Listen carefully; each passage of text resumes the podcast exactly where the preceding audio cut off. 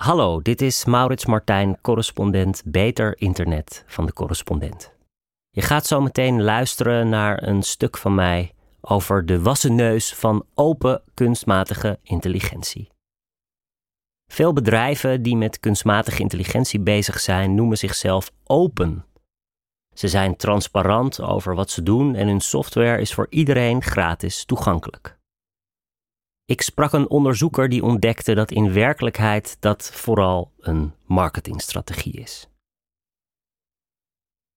Als kunstmatige intelligentie echt de nieuwe systeemtechnologie is, die de samenleving fundamenteel zal veranderen, vergelijkbaar met elektriciteit en de computer, dan is het belangrijk dat we die technologie goed begrijpen.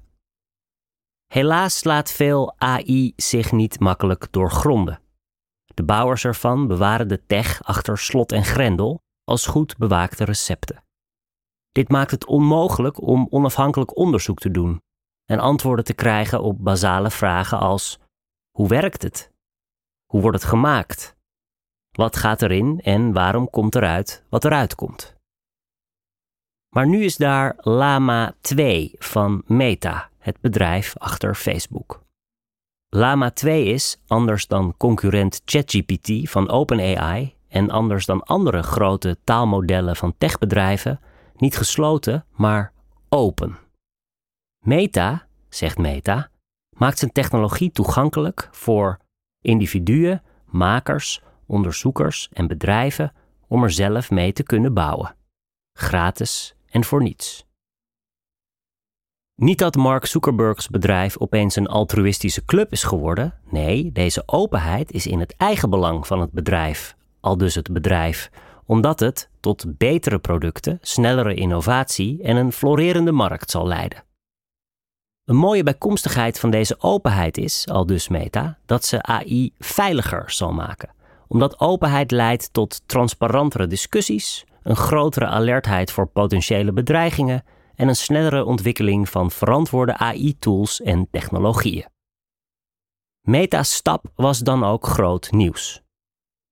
Meta deelt zijn antwoord op ChatGPT gratis uit, schreef Wired. He is giving it away, volgens de New York Times. Meta gooit de luiken open, al dus het Financiële Dagblad. Zuckerberg en Meta gebruiken zelf consequent de term open source en dat wekt, bewust, hoge verwachtingen. Want open source betekent niet alleen dat de broncode van de technologie, zeg maar de receptuur, openbaar is, maar impliceert ook dat die zonder voorwaarden en door iedereen gedeeld, verspreid en gebruikt kan worden. Zou Meta zijn heetste nieuwe product daadwerkelijk open sourcen? Meta, je weet wel, van Facebook, ongeveer het tegendeel van transparant en open. Veel media en tech-watchers gingen enthousiast mee met het open source frame. Meta wijst ons de weg naar een geweldige, transparante AI-toekomst. Nu blijkt, aan Lama 2 is precies niets open source. Dat is de ondubbelzinnige conclusie van een onderzoeksproject van drie taalwetenschappers van de Radboud Universiteit in Nijmegen. Andreas Liesenveld, Alianda Lopez en Mark Dingemansen onderzoeken hoe open AI-taalmodellen zijn. Ze scoorden zo'n 30 verschillende modellen op 13 variabelen. Lama 2 scoort zeer, zeer beroerd. Zo blijven de data waarop het model is getraind geheim en is Meta minimaal scheutig met de onderliggende computercode. Er is geen erkende wetenschappelijke onderbouwing van het model en de technische uitleg haalt een ruime onvoldoende. In de techwereld zijn dit allemaal gebruikelijke standaarden waaraan je moet voldoen, wil je met goed fatsoen het label open source kunnen dragen. Lama 2 voldoet aan geen enkele.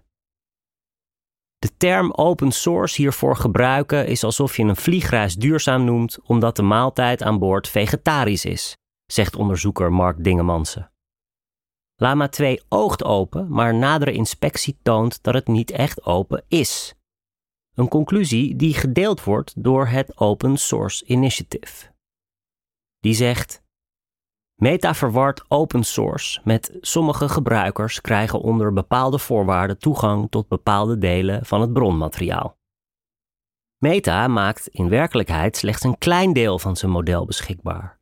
Niet voor iedereen en niet voor ieder doeleinde. Een cynische en succesvolle marketingtruc, zegt Dingemansen. Niet alleen het recept is geheim, zegt hij. Je kent de ingrediënten niet eens. Je mag zeker geen blik in de keuken werpen. En oh ja, je moet ook nog even tekenen dat je alles volgens de voorwaarden van de kok doet. Maar er wordt wel gratis een ondefinieerbare worst opgediend. En Mark Zuckerberg zegt heel luid open source, terwijl hij met zijn pink wijst. Dus het zal wel goed zijn. Meta is niet het enige techbedrijf dat zich graag met open source afficheert. Een uitstekend nog niet gepubliceerd paper maakt aannemelijk dat het geen marketingtrucje, maar bewuste strategie is van techbedrijven om zich opener voor te doen dan ze zijn. Het kan reputatiepunten en concurrentievoordeel opleveren om te zeggen dat je super open en transparant opereert, terwijl je in feite de strikte regie houdt over wat je openzet en wat niet. Openwashing, in de woorden van de auteurs. Het voorbeeld daarvan is OpenAI, de maker van ChatGPT, dat ooit werd opgericht als alternatief voor gesloten bolwerken als Google en Facebook.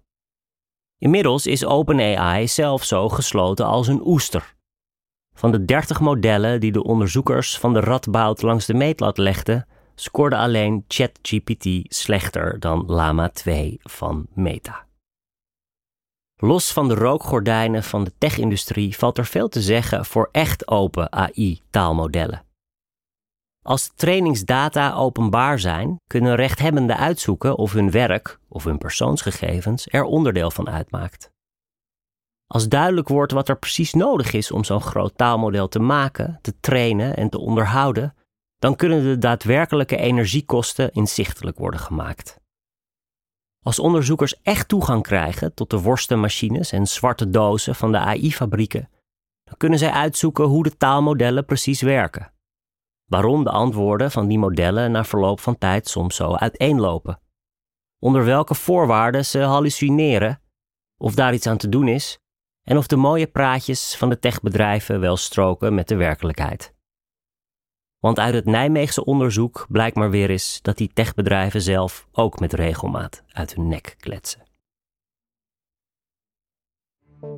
Het is de missie van de correspondent om voorbij de waan van de dag te gaan. Onze correspondenten voorzien het nieuws van context en schrijven over de grote thema's van deze tijd. De correspondent geeft me de vrijheid om mijn nieuwsgierigheid te volgen en de tijd om verhalen te schrijven. En zo probeer ik onzichtbare structuren zichtbaar te maken en een andere kijk te bieden op debatten die het nieuws domineren.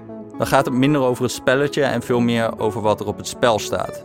Vanaf dag 1 zijn onze artikelen, boeken en podcasts gefinancierd door onze leden. Volg ons op onze journalistieke zoektocht. Overweeg eens lid te worden van de correspondent. En maak daarmee samen met ruim 70.000 anderen onze onafhankelijke journalistiek mogelijk. Dus word lid van de correspondent.